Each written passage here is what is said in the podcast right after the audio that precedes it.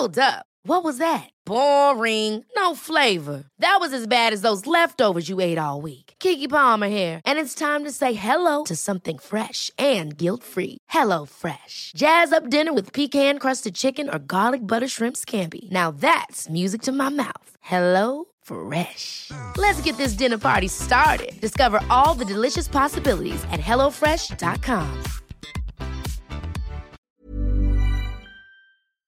Ukas annonsør i Foreldrerådet er Ekstra. Det er grillsesong. Endelig. Alle dere som har fulgt meg gjennom en lang vinter, vet at jeg har nesten strøket med av kjedsomhet. Men nå kan vi spise ute, vi kan leve ute, vi kan henge ute, og vi kan grille. Ekstra har sitt største grillutvalg noensinne, og hør godt etter nå. Her er en del av grillutvalget deres. Habanero-pølser, salsiccia-pølser, black aged pepper-pølser, cheesy bacon-pølser, beefy burger, cheesy burger, skinny burger, big beefy gourmet-burger, fiskeburger med hvitløk, fiskeburger med bacon, rødbet og søtpotetburger, soppburger, barbecue grillfilet, svinenakke med oregano og tomat, urtemarinert fårefilet, brisket, eller brisket som det egentlig heter, T-bone steak, flank steak, tomahawk, laksefilet med pesto, laksefilet med sitron, scampi med hvitløk og urter, crispy fiskeburger med ost, kyllingfilet med sitron og urter, kylling overlår, gyros, kyllingspyd, smoke barbecue, lårfilet av kylling og entrecôte. Takk for meg. Dette er bare noen av produktene i Ekstra sitt største grillutvalg noensinne, og kommer bl.a. fra Norges mest prisvinnende grillserie, Grill Perfekt.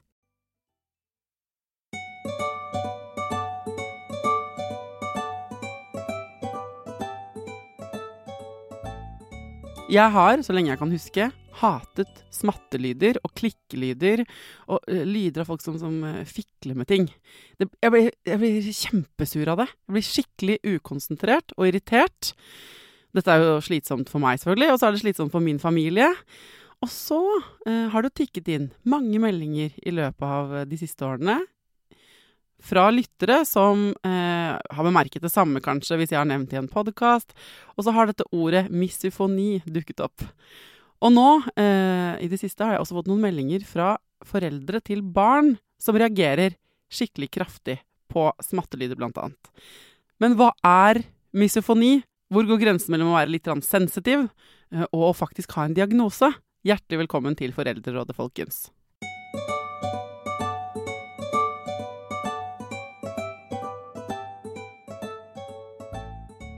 Hjertelig velkommen til Foreldrerådet, Heidi Sabatier Olne. Tusen takk. Du er audiograf hos Hør og fagleder hos Hør Norge. Og Hør er, eh, så vidt jeg har skjønt, et eh, kompetansesenter for hørsel. Et privat kompetansesenter. Ikke sant? Ja, det stemmer. Og hvem er det, er det, hvem er det som jobber på Hør? Audiografer jobber på Hør. Um, som da har videreutdannet seg for å lære mer om tinnitus og nedsatt lydtoleranse, i tillegg til hørsel generelt. Ja, og hva er egentlig en audiograf, for de som ikke vet det? En audiograf jobber vanligvis med hørseltesting, høreapparattilpasning. Eh, på Hør så driver vi med vaske øreganger, vi driver med høreapparatet, men vi jobber mye med gruppen tinnitus og nedsatt lydtoleranse. Ja. Både kartlegging og behandling. Skjønner. Uh, kan jeg bare, uh, nå skal vi skal snakke om misofoni, som er litt veldig Jeg gleder meg veldig til å lære noe om det. Så lurer jeg bare på én ting når du sier ørevasking. Er det sant at man ikke skal ta q-tips i øret? Ja, det vil legen si, seg enig i. Altså, det som man er redd for, er jo at man dytter ørevoks innover i øret i stedet for å ja. få det ut. Jeg tror det er liksom det legerådet flest mennesker uh, synder mot. Ja, det er nok sant, det. For at, hva skal man pille seg i øret med da, på en måte? Eller hvordan skal man få ut ørevoks? Ja, det kan jo klø også, så i mange tilfeller kan man jo klare å få det ut. Men de som kommer til oss, har jo da helt tette mm. øreganger, og så må de få hjelp til å vaske. Men hvordan skal man ideelt sett gjøre det, da? Hjemme? Altså, øret klarer vanligvis å rense seg selv, ja. Eh, så det skal egentlig ikke være nødvendig å Nei. putte noen q-tips inn der. Skal egentlig ikke putte noe greier inn der. Det skal ordne seg sjøl. Det er det beste. Jeg er mottatt. Men OK, ok, Heidi. Um, hva er misofoni? Misofoni er en type nedsatt lydtoleranse. Ok, Så det kommer under den paraplybetegnelsen nedsatt lydtoleranse? For det Mm. er flere kategorier under der? eh, Misofoni og hyperakusis er de to Hy hovedkategoriene. Hyperakusis. Hyperakusis, ja. da er det styrken på lyd som skaper problemet. Ja. Eh, Da vil man ikke tåle en lyd som andre sitter og syns er helt greit. Mm. Eh, Mens på misofoni, som vi skal snakke om i dag, så er det spesifikke lyder. Smatting, oh, ja. andre andre ja. ja. Og det, jeg sa jo til deg nå eh, før vi gikk på lufta, da eh, Det jeg pleier å si til alle gjestene som er her i Foreldrerådet, det er eh, at Ikke sant, der tar du vannglasset ditt. At når man snakker på radio, og dette kan jeg si til lytterne, og alle, alle gjester som kommer hit, får en liten sånn prat i forkant om at de får et glass vann, og så får de beskjed om at det er viktig å drikke vann underveis, fordi vi skal unngå en sånn tørr munnsmatt. Mm. Om jeg kan illustrere sånn. Mm, og det eh, hater jo jeg å høre, og jeg vet at folk som hører på podkast, da hører du gjerne på headset, så alle lyder blir innmari mye tydeligere. Mm. Um, men det er jo også fordi jeg selv personlig er Jeg vet, jeg, jeg er selvdiagnostisert, da, uh, men jeg er nok over snittet irritabel. Uh, blir veldig irritabel av smatting, klikking på penner. Altså, jeg kan være i et uh, møte med bare toppsjefer som er eldre enn meg, på en måte, og har mer makt enn meg, og så kan jeg gå bort. Det skjedde her nylig. Jeg holdt et foredrag. En av sjefene sitter og klikker på en penn. Og da går jeg mens jeg snakker bort til han napper pennen ut av hånda og sier sånn Og liksom, det blir et motto der jeg jobbet før. Sånn uh, Klikker du på pennen, så klikker Thea. Eh, på en måte. Så derfor jeg tenker, har folk rundt meg nevnt misofoni mange ganger. Mm. Men kan ikke du fortelle litt sånn ordentlig hva det er? Altså det, når man har misofoni, så vil den lyden som ikke andre kanskje engang enser, den blir så dominerende i nervesystemet. Så da har man ikke noe annet valg enn å gjøre det som det du gjorde da, for den lyden må bare stoppe. Det er sånn det føles. Jeg, jeg klarer ikke å altså, Blikket mitt og sansene mine vender seg jeg får, Akkurat som jeg får en slags kløe, nesten. Eller sånn Jeg blir så distrahert av den Eh, lyden. Ja, det blir så viktig i nervesystemet at eh, kroppen opplever, opplever det her som rett og slett eh, nødvendig for å overleve. Ja. Um, så, Å, Og det er, det er heller ikke sånn at man kan velge å ignorere det hvis den reaksjonen blir så sterk. Nei. Så da er man tvunget til å stoppe det eller flykte eller Ja, dette må vi inn og nyansere, fordi det er jo Jeg har jo tenkt alltid at jeg bare må eh, sant? Jeg tenker jo at jeg bare må skjerpe meg, ikke sant? Ja. Og jeg må skjerpe meg. Altså sånn eh, eh, Jeg klarer jo det. Men for eksempel å gå på kino, eh, for min del, er med sånn eh, knitring og eh, knasking og eh, hvisking når jeg prøver å se en film. Det gjør meg så sur. Mm. Eh, sånn at hele opplevelsen blir ikke så koselig som jeg jo ofte vil at kino skal være, da. mm. så- Livsviktig vet jeg ikke om jeg føler at det er, men ja. Men den eh, misofoniplagen kommer i mange forskjellige plagegrader, da. ikke sant? Så det kan være fra Altså, det kan begynne som litt irriterende, og så hvis det da får lov å utvikle seg, så kan det bli verre og verre, til man til slutt sitter igjen i overlevelsesmodus. eh. Ikke sant? Sånn at, derfor så tenker jeg at eh, vi er ikke her for å snakke om mine greier, men jeg er på det spekteret et eller annet sted. tenker Mm. jeg. Og så har vi fått meldinger fra foreldre, blant annet fra en pappa, som har sendt inn at han har et barn som er så sterkt plaget med lyder at det, sant, det er veldig vanskelig å gjennomføre et måltid. Fordi barnet slår seg helt vrang, og alle må være veldig rigide på liksom eh, Ikke bare hva som skal spises, men hvordan det skal spises. Og det ikke der, ikke? Barn kan være kresne, og det kan være mange grunner til at måltider blir vanskelige. Men her er det helt uttalt lyd som er hovedproblemet. Mm.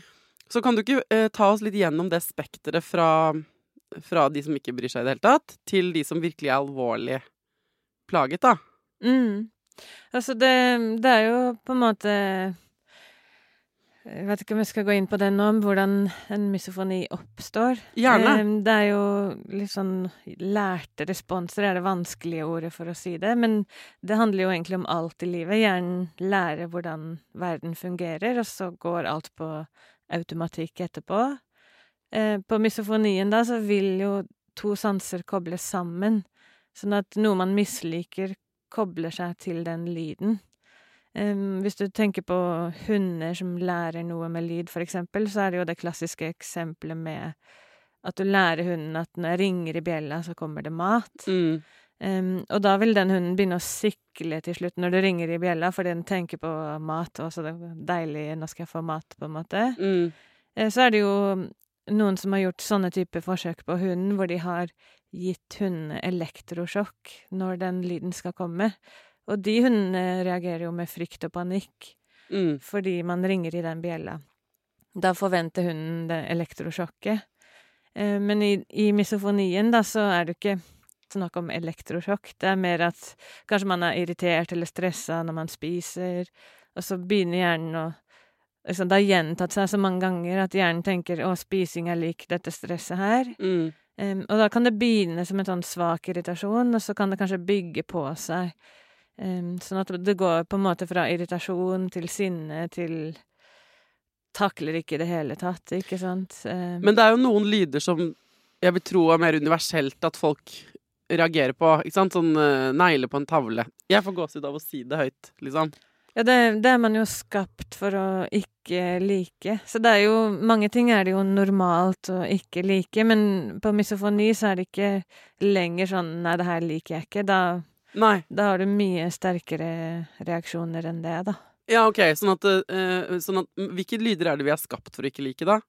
Altså, man er jo biologisk laget for å ikke like barnegråt, for eksempel. Det er Ja. jo uh, bra at man har lyst til å få babyen til å stoppe å gråte.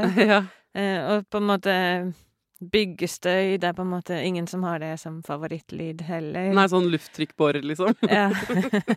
Nei. Um, og det, det er sjelden man hører at uh, Eller eh, det faktisk kan jeg nevne, fordi det er noe som er motsatt av misofoni, og det er jo ASMR. Ja. Ah, Yes! Ja. Det er på en måte eh, min rake motsetning. Mm. Det er folk som vil høre sånn smattelyder på YouTube-videoer.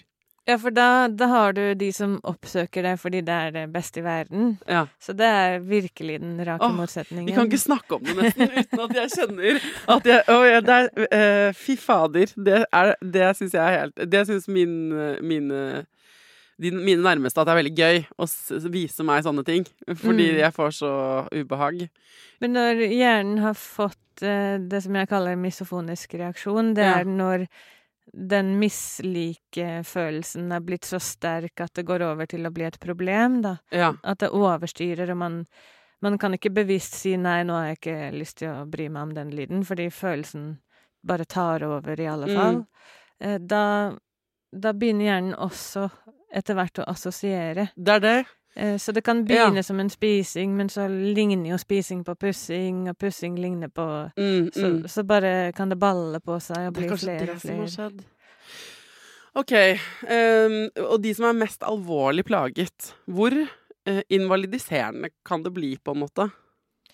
Altså, det er eh, familier hvor barna har sluttet å spise sammen med familien. At de har låst seg inne på rommet, og, og på en måte familien må liste seg rundt og prøve ikke lage en lyd. Ja. Så alt handler om å ikke lage lyd til slutt. Ja. Eh, Noen av de som kommer til oss, eh, forteller jo at hvis, hvis det er eh, lyder i klasserommet, da, som er triggerlyd, kanskje lyden av tastatur, så reagerer barnet med å løpe gråtende ut av klasserommet på grunn av at lydene blir så intens for for de, da. Og så går de kanskje sant, og blir redde for å bli eksponert for den lyden, så de unngår situasjoner hvor det kan tastatures, holdt jeg på å si, tastes på et tastatur. Ja, og hvis, hvis hele klassen får hver sitt tastatur da, så er det ikke så lett å unngå det lenger. Nei, Så da blir det jo veldig voldsomt. det er klart, jeg er jo voksen og helt adekvat plaget av dette. Det er ikke noe stort problem for meg. Mm. Men for de som er så plaget at de lister seg på tå rundt middagsbordet fordi bar eller barnet slutter å spise, eller barnet ditt ikke kan være i klasserommet, så er jo dette kjempealvorlig. Mm. Altså, du sa at grunnen til det er at man kobler de hørselsinntrykkene med negative ting. Mm. I noen tilfeller kan man kanskje spore det til en traumatisk hendelse eller noe sånt. Jeg aner ikke, jeg har ingen begreper om hvorfor jeg syns matting er så ekkelt. Det kan jo Det er ikke alltid man vet hvorfor det oppsto, eller Noen kanskje husker at det var sånn og sånn, eh, den settingen, Ja. eh, men ikke alltid. Hjernen kan jo gjøre sånne assosiasjoner generelt sett òg. Kanskje man har fått en ny rød genser, og så har man en skikkelig dårlig dag den dagen du brukte den genseren første gang. Ja, Um, så Så henger den seg opp, Ja, liksom? så tenker man OK, var det tilfeldig? Og så vil man jo konkludere mest sannsynlig at det var tilfeldig. Men hvis du da får en nummer to dårlig dag med den samme genseren, så blir hjernen sånn mistenksom. ja.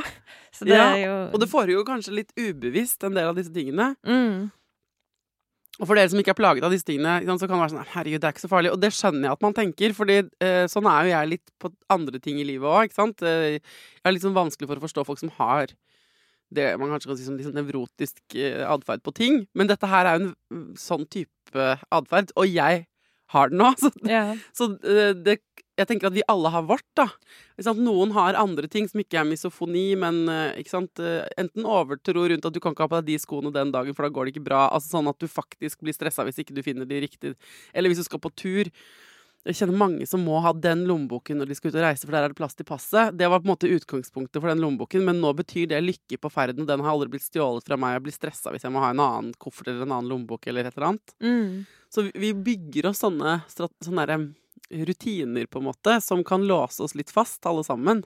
Men det, på misofonien så kan man sammenligne det med for eksempel en edderkoppfobi, da. Ja. Fordi man kan rasjonelt tenke edderkopper er ikke farlig. Mm. Eh, Eller jeg, jeg har ikke lyst til å være redd for edderkopper mer, men hvis den frykten er veldig sterk, så vil man hyle og løpe ut av rommet uansett hvor mye man sier til seg selv at nei da, edderkopper er ikke farlig. Mm. Så man, man har på en måte Man kan rasjonelt tenke at jeg burde ikke bry meg om det er en vift i rommet eller tastaturklikking eller den smattingen, men, men det er på en måte ufrivillige reaksjoner det er snakk om, da. Mm. Eh, OK, men hva eh, Hvis man da kjenner seg igjen i dette, Mm. og er plaget av det sånn at man tenker det hadde vært veldig deilig å få gjort noe med, uh, fins det en verden der hvor man kan bli helt eh, kurert? Ja. Hvordan eh, går man fram da? Altså, det er viktig å tenke at uh, det er ikke noe man bare vokser av seg. Så har plagen blitt så stor, så, så må man gjøre noe aktivt med det for å bli kvitt det, da. Så da snakker man eh, at det er en behandlingstrengende plage, hvis det har kommet så langt. Mm.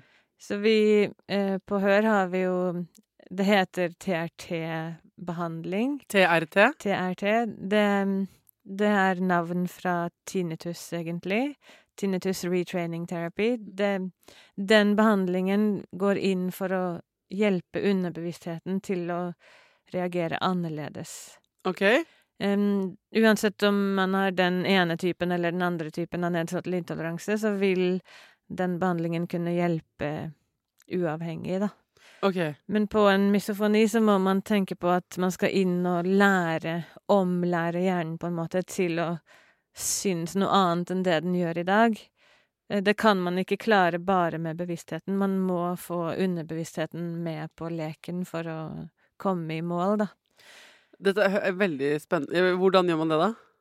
Altså, da må man eh, bruke tid pluss øvelser og veiledning.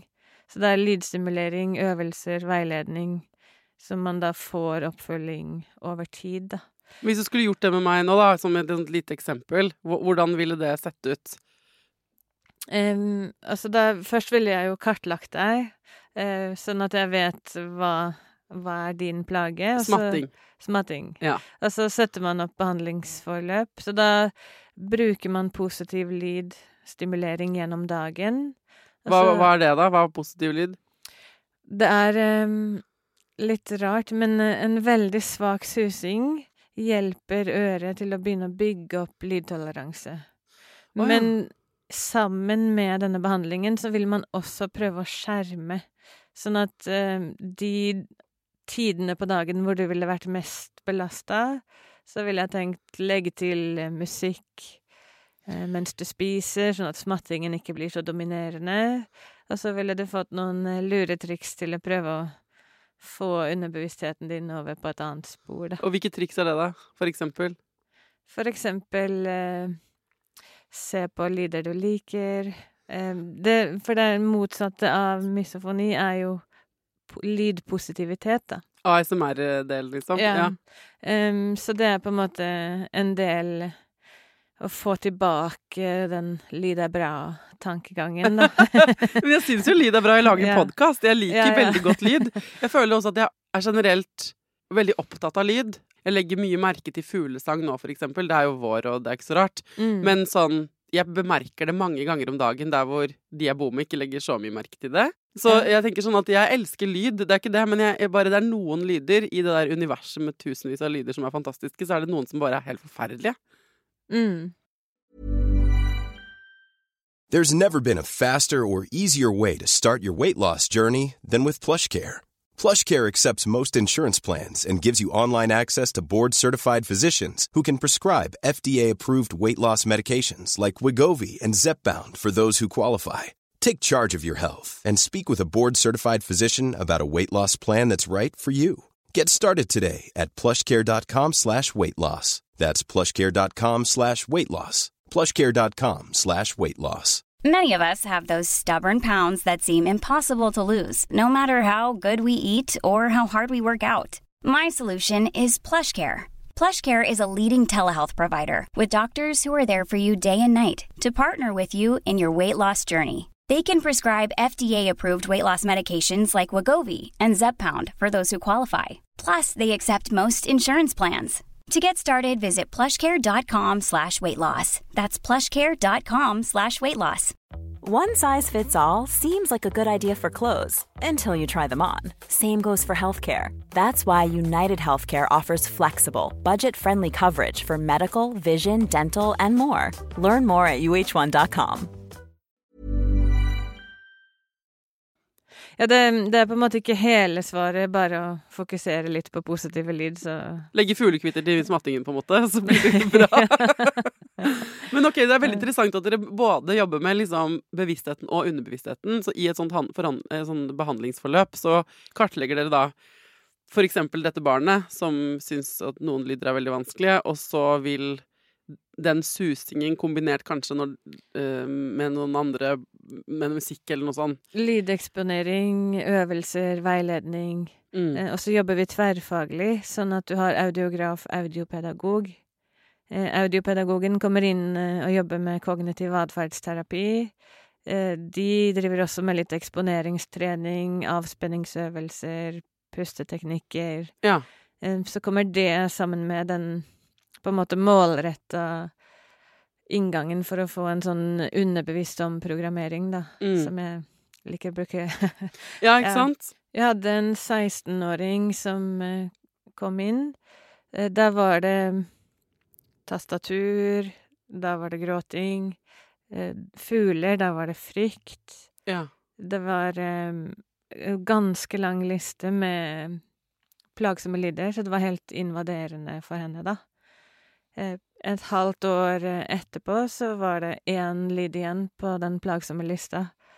Men det er en sånn solskinnshistorie, for vanligvis tenker man at en behandlingstid ligger mellom seks måneder til ett og et halvt år, noen ganger to år, for å komme helt ut av det. Mm. Men det er en slags Det er jo eksponeringsterapi, ikke sant? Det er jo det Ja, det er en eksponeringsterapi blandet med en rett og slett omprogrammering, da. Man vil få hjern, hjernen og den underbevisste delen til å tenke annerledes enn det Mm. som er tilfellet i dag, da. Men er det sånn at uh, for de av oss som eh, Altså nå, de som lytter og har eh, et alvorlig problem med misofoni, altså sånn som uh, denne pappaen sender inn melding, da. Eh, og det er et barn som strever ordentlig, så må man jo oppsøke profesjonell hjelp, tenker jeg. Der, der har jo dere et helt opplegg. Mm. Mens for sånne som meg, som er sånn, som liksom ler litt av det og sånn, burde jeg bare gå masse på kino på lørdager, liksom. Hvor det er på barnefilm, hvor det er maks knasking og smatting. For å Mm. bare bli vant til det. Eh, Nei, det ville jeg ikke tenkt. Nei. Eh, Men jeg ville heller tenkt eh, å unngå situasjoner hvor man blir maks belastet, på en måte. Ja. For eksempel i middager sette på en vane at man har musikk på i bakgrunnen, sånn at smatting ikke blir så tydelig. Ja. Eh, Så man heller lurer seg selv til å ikke bli oppmerksom på det som irriterer, da. Ja. Mm. ja, men da vil jeg jo alltid trenge musikk på, da. Til middagen. hvis du skjønner. Jeg får, Ja, ikke, jeg får jo liksom ikke eksponert meg ordentlig, for det, dette gjør jeg. ja. Altså, dette gjør vi sånn uh, avhengig av hvem som spiser hjemme, så setter jeg på lyder i bakgrunnen ofte. ja. Men er det arvelig? Fordi min sønn er litt sånn han òg. Altså, det er eh, sånn at det kan være arvelig. Har man autisme, for eksempel, så har man jo 40% større sjanse for å ha sånne ting enn andre. Ja. Men det kan òg være at det går i familier hvor man lærer reaksjonsmønstre, på en Nettopp. måte. Ja, det er, Eh. det er vel derfor ikke jeg ja, så um, det, det er på en måte Hvem som helst kan få en nedsatt lydtoleranse eller en misofoni, eh, men har man fått det mønsteret, så kan man smitte det mønsteret over på andre også. Um, Uff a meg. Jeg, jeg, jeg tror jeg må rett og slett uh, ta litt tak i det der. For jeg ser nå, jeg, uh, ikke før jeg snakker med deg, hvor mange ting det egentlig er for Mm. meg. Og det er jo litt dust, kanskje, at eh, barna i min nærhet og kjærester og venner og alt sånn skal liksom måtte skjerpe seg veldig for å kunne spise middag med meg. Det er jo ikke, jeg har jo ikke lyst til det. Jeg syns jo folk skal få lov til å Det passer ikke med min personlighet ellers. Jeg vil jo at folk skal slappe av. Mm, Det skal jeg gjøre noe med, faktisk. mm. Kan man gå til fastlegen og bli henvist til eh, Altså, dere jobber jo privat, dere på Hør. Men Mm. hva slags behandling kan man få eh, i det offentlige? Da vil jeg skryte av Molde sykehus. De har eh, et veldig bra tilbud der. Det er litt mer gruppebasert enn hvordan vi jobber på Hør, eh, men det er mye likheter også. Så det, jeg syns de er best i klassen i Ja. det offentlige. Ja. Men går man liksom til fastlegen da og sier barnet mitt har kjempeproblemer med å spise, veldig sensitiv på lyd, og blir henvist Hva skal man be om å bli henvist til, på en måte? Altså, jeg kjenner ikke til noen andre i det offentlige som har det samme tilbudet som Molde har, da. Så da, hvis man skal til privat, så trenger man jo ikke henvisning. Da er det bare å ringe og si hei, jeg trenger time nå. Ja. Så jeg, jeg har ikke noe Nei, men det er kanskje verdt, hvis man ikke har eh, nødvendigvis eh, råd til å gå privat, da, eh, så kan man jo sjekke først hos fastlegen sin og høre om det er noen eh, Det fins jo masse superbra fastleger og veldig flinke Altså plutselig så har man kjempeflaks, og så har Mm. man hørt denne episoden, så vet man at dere på Hør har den kompetansen, og at Molde er et dritbra sted for de som bor der. Og så har vi jo disse mm, flinke audiopedagogene også, Mm. eh, og de har avtale med Helfo. Ja. Så det, det er veldig fint sted å starte hvis man trenger gode råd og kanskje komme i gang, få veiledning. Ja, for man kan vel kanskje gjøre en del av de tingene, litt avhengig av hvor alvorlig det er, men gjøre en del ting selv. Mm. Så rådet ditt eh, til meg er å eh, ikke sette meg liksom i høyaktiveringseksponering, men prøve å knytte på et moderat nivå, bli vant til smatting eller tannpusselyd, og assosiere det med noe koselig. Ja, og det er på en måte lettere sagt enn gjort. Ja, ja. Så for sin egen del så kan man jo skjerme og avlaste. Eh, Det gjør man sikkert ubevisst også, når man vil unngå disse tingene. Men det hjelper jo ikke bare å unngå hvis plagen blir verre og verre, eller frustrasjonen øker, så, så går det jo ikke over av seg selv, eh, selv om man skjermer eller prøver å avlaste. Nei, nei, jeg tar meg jo på en måte sammen, som jeg sier. Altså som, Mm. På samme måte som jeg syns eh, også edderkopper er ekkelt. Bortsett fra det, det er liksom min ting. Jeg er litt høydeskrekk, litt redd for edderkopper. Mm. Men ingenting som gjør at jeg ikke går på fjelltopper eller ned i kjellere. Eller unngår å gå på kino. Så det er, vi er ikke der. Mm. Men jeg må ta litt sats. Der hvor, eh, eh, men å snakke foran en forsamling må ikke ta sats. Mange andre ting som folk er redde Mm. for, jeg er ikke noe redd for. Og jeg er ikke noe redd, men det er mer sånn at jeg må bare Nå må jeg bare Jeg må, jeg må Apropos den delen du sier dere også bruker i behandling, som er sånn avledningsteknikker eller å roe seg selv ned. Fokusere på noe annet. Mm. Fokusere på pusten min, eller på vende lydbildet til noe annet. Altså fokusere på en annen lyd i rommet. Altså hvis, jeg, hvis ikke det er eh, for enerverende, Mm. jeg, eller jeg ikke kan løse det, så er jo det liksom det jeg gjør. Ja. Er det litt sånn dere jobber også i behandlingen? Det er elementer av det. Så når Altså veiledningen, lydeksponeringen, øvelsen Mm. Og så jobber man da målretta over tid, sånn at man må få underbevisstheten med for å vinne over at plagen skal dominere, da. Det, øh, hvilke myter er det rundt dette her, da? Det, jeg kan se for meg at folk liksom, som ikke, for, som ikke har det, ikke forstår det helt. Det er veldig mange som sier at de føler seg sprø, eller gale, nærmest. Mm. Eh, og det er jo ikke Det er det jo ikke. Nei. Det er ikke sånn at man skal til psykolog eller har noen psykiske plager selv om man har en misofoni, så det, det er greit å skille på det, da. Mm. Um, men det er veldig sånn tabubelagt, føler jeg, fordi når man uh, har disse plagene, så møter man jo ikke noen forståelse rundt nødvendigvis. Nei, man blir sånn ah, men kan ikke du slappe av, får man høre. Mm. Så da føler man at man må ta seg sammen, eller sitte Mm. og ha den følelsen der, mens andre rundt ikke klarer å relatere til hvor ille det faktisk er, da. Mm. Men hvis man kan bruke ordet misofoni som en sånn merkelapp, da Ja. Em, Dere må faktisk ta hensyn til meg, for jeg har misofoni, så, så kanskje det kan gi mer forståelse. Men hvordan kan man være gode liksom, eh, foreldre, for eksempel, eller familiemedlemmer rundt en som er plaget av lyd, da? Jeg ville respektert uh, hvis den misofonien er sterk og man ikke klarer å spise sammen med familien lenger, så ville jeg tenkt ok, da går ikke det. Da, da vil jo en behandling kunne løse det, sånn at man kan komme tilbake til at det blir mulig igjen. Mm. Men når plagen er så ille, så har det jo ikke noe hensikt å tvinge det samværet heller, på en måte. Men er det sånn at det blir verre hvis man er veldig sliten, for eksempel? Og Når du sa tidligere de tidene på døgnet hvor det er mest plagsomt, Mm. hva, hva mente du med det?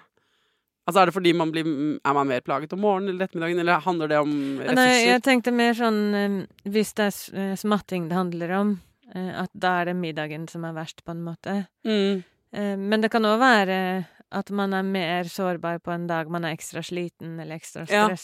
For det kjenner jeg meg igjen i. Ja. At, men det er jo sånn med alle sensitiviteter, ikke sant? Ting som man tåler godt når man er uthvilt og har en god dag. Mm. De tåler man ikke i det hele tatt på en dårlig dag. Det merker jeg selv også. Eh, Hvis jeg har hatt en dag jeg har jobba kjempelenge, så er jeg veldig sårbar på T-banen etterpå. Så Mm. da er jeg rask å sette på musikk og heller Ja, takk Gud tenke for på headset. Takk Gud for headset. ja. Ja, I tiden før vi reiste rundt med headset, dere Det er lenge siden nå. Men jeg har jo flere, ved flere anledninger på trikken i Oslo Mm. sittet uh, foran Og så har uh, noen som da har sittet og smattet med tyggis på setet bak meg. Og da har jeg flere ganger snudd meg rundt og sagt sånn Kan du ikke smatte med den tyggisen? Jeg beklager. Er det greit? Men det er, det er ganske mange med misofoni som rett og slett er veldig sinte. Ja. Um, som har mye sinne i seg, og når For eksempel hvis det er basketball eh, utenfra som trigger, da. ja. Eh, hvis du har da ungdommer som spiller mye basketball, og, og det på en måte får deg til å knekke sammen eh, følelsesmessig, så, så mister man jo sperrer. Man løper ut og skjeller ut naboer som holder på med basketball. Ja, eller- åh, jeg, ja. men jeg forstår så veldig begge sidene av dette, fordi altså, sinne oppstår jo når man føler at en grense har blitt overskredet. Det er forsvaret vårt, det er helt naturlig. Mm. Hvis jeg trår deg for nære på en måte og liksom ikke respekterer dine grenser, så er ditt forsvar å bli sint på meg. Det er sånn det er, og det er sånn det skal være. Og så er det det at de grensene er jo eh, litt strengere og lenger ute for oss som er eh, sensitive på lyd.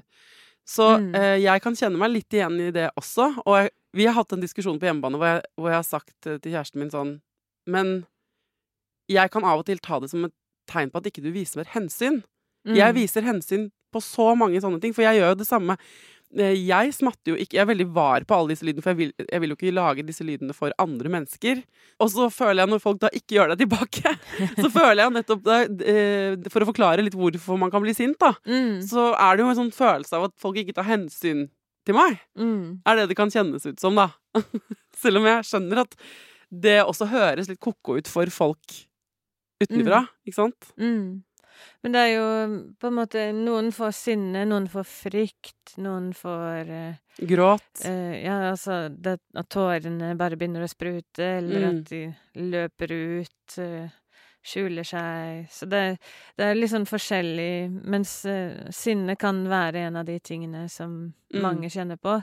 Og noen er jo eksperter på å skjule det, fordi de vil ikke snakke om misofonien, for da føler de at de høres gærne ut, ikke sant? Men hvis man hadde liksom koblet et uh, sånn uh, apparat på et uh, barn eller en ungdom eller en voksen som har misofoni, ville man kunnet lese liksom at hjerterytmen øker og at stressnivået øker når smatting skjer rundt bordet?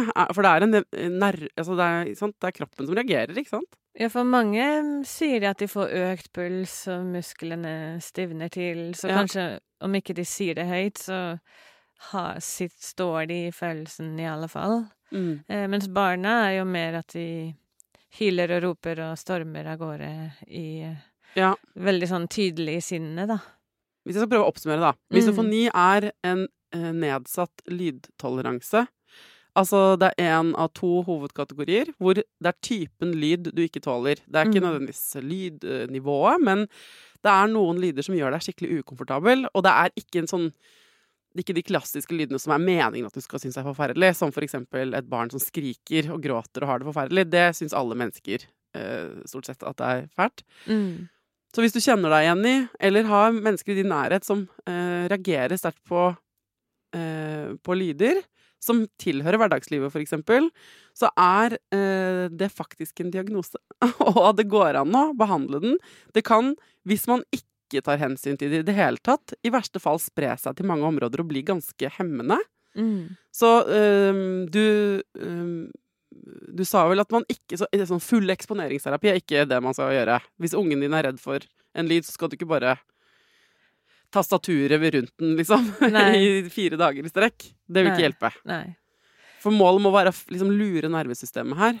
Så det er sånn hverdagstips, tenker jeg, hvis det er mye klaging på smatting, så finn ut hva slags lyd som er felles interesse, radio for eksempel, og gjør det til en vane at radioen står på, Mm. eh, for å bare få oppmerksomheten over til at her er det hyggelig musikk, i stedet for at her er det dårlig smatting, for eksempel. Mm. Vil det kunne hjelpe på smattingen?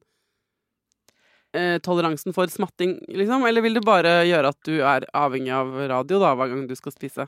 Altså, hvis man ikke har fått en sterk misofoni enda, så kan man være heldig og Ja. uh, unngå at den misofonien kommer, kanskje. Men hvis den allerede er en del av hverdagen, så vil det jo ikke være nok til å Nei. kurere det vekk, på en måte. Men da, da er det jo innenfor den skjermingen og avlastningen man kan få til for at det sklir bedre i hverdagen. Ja, og så blir det i hvert fall ikke verre, ikke sant? Da, da stopper man utviklingen av alvorlighetsgraden kanskje litt. Demper det. Ja, så man på en måte tar hensyn og gjør det man kan for å Ja. avlaste belastningen, da. Ja, jo, eh, bra. Og hvis eh, eh, folk trenger ordentlig hjelp, altså, eh, og så er det Går det an å gå til Hør, som, eh, der hvor Heidi jobber? Det er privat. Eh, hvis du bor i Molde, så er sykehuset i Molde veldig gode, sier Heidi, på Mm. dette. Og hvis du ikke eh, bor i Molde, og ikke tenker at du kan gå privat sånn med en gang, så er det jo kanskje eh, mulig å sjekke med fastlegen din, fortelle at eh, dette problemet har vi hjemme, eh, sånn arter det seg. Og eh, du sa i stad sånn, og det trenger ikke å være psykisk plage, men jeg tror hvis man går til fastlegen og sier at barnet mitt løper fra bordet, vil ikke spise, ikke sant, sånn, sånn, så tenker man jo kanskje psykolog først. Ja. Så det kan være fint, eh, og det kan jo hende at det er noe annet, men hvis man får på en måte ryddet opp i det, eh, så er det vel en gruppe av de som har problemer rundt middagsbordet, eh, som kanskje bare egentlig har problemer med lyd. Rett og slett. Ja. Ja. Og så kan man jo huske på at audiopedagogene da har avtale med Helfo. Ja. Sånn at man kan ha det som en inngangsport hvis det, hvis det er økonomien det står på, da. Ja, ikke Ja. sant? Og hvis man bor andre steder i landet, tenker jeg òg, ikke sant, at eh, hvis Mm. eh, du Altså, au, ordet audiograf og audiopedagog, det er to yrkesgrupper vi ikke hører veldig mye fra, syns jeg. Ja. Uh, Men som kan masse om dette med uh, lyd og hørsel, og hvordan vi kan leve bedre med den hørselen vi har. Mm. Sant? Så um, det er verdt å merke seg. Er det Mm. noen tips til du har lyst til å gi til folk før vi avslutter? Du er ikke gal hvis du klikker på lyder. Takk. Eh, Så det er bare Altså, sånn er vi skrudd sammen. Så er man uheldig, så kan man bli utsatt for en eh, Kan kalle det programmeringssituasjon, hvor man sitter igjen med en misofoni etterpå, da. Ja. Eh, Så hvis man tar raskt tak i det, så er det jo lettere å komme ut av det enn å begynne når det allerede har sittet i mange år, da. Ja, tusen takk. Det var deilig at du sa. Og så tenker jeg på min eh, side at jeg klør meg litt i nakken nå og kjenner at jeg nok har litt større problemer med dette enn jeg hadde trodd da vi begynte å snakke sammen, Heidi. Ok. Så mm, jeg tar rådene veldig eh, til meg. Mm. Tusen takk for at du kom. Takk for at jeg fikk komme.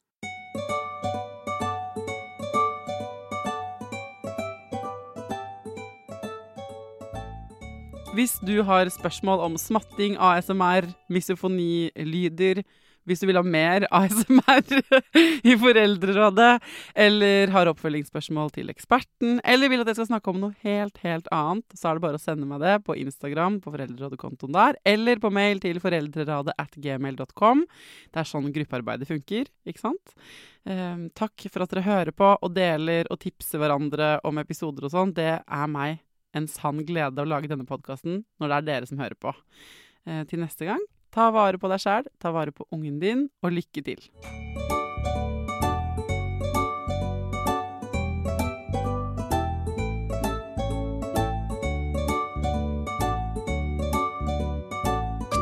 Produsert av Klinge.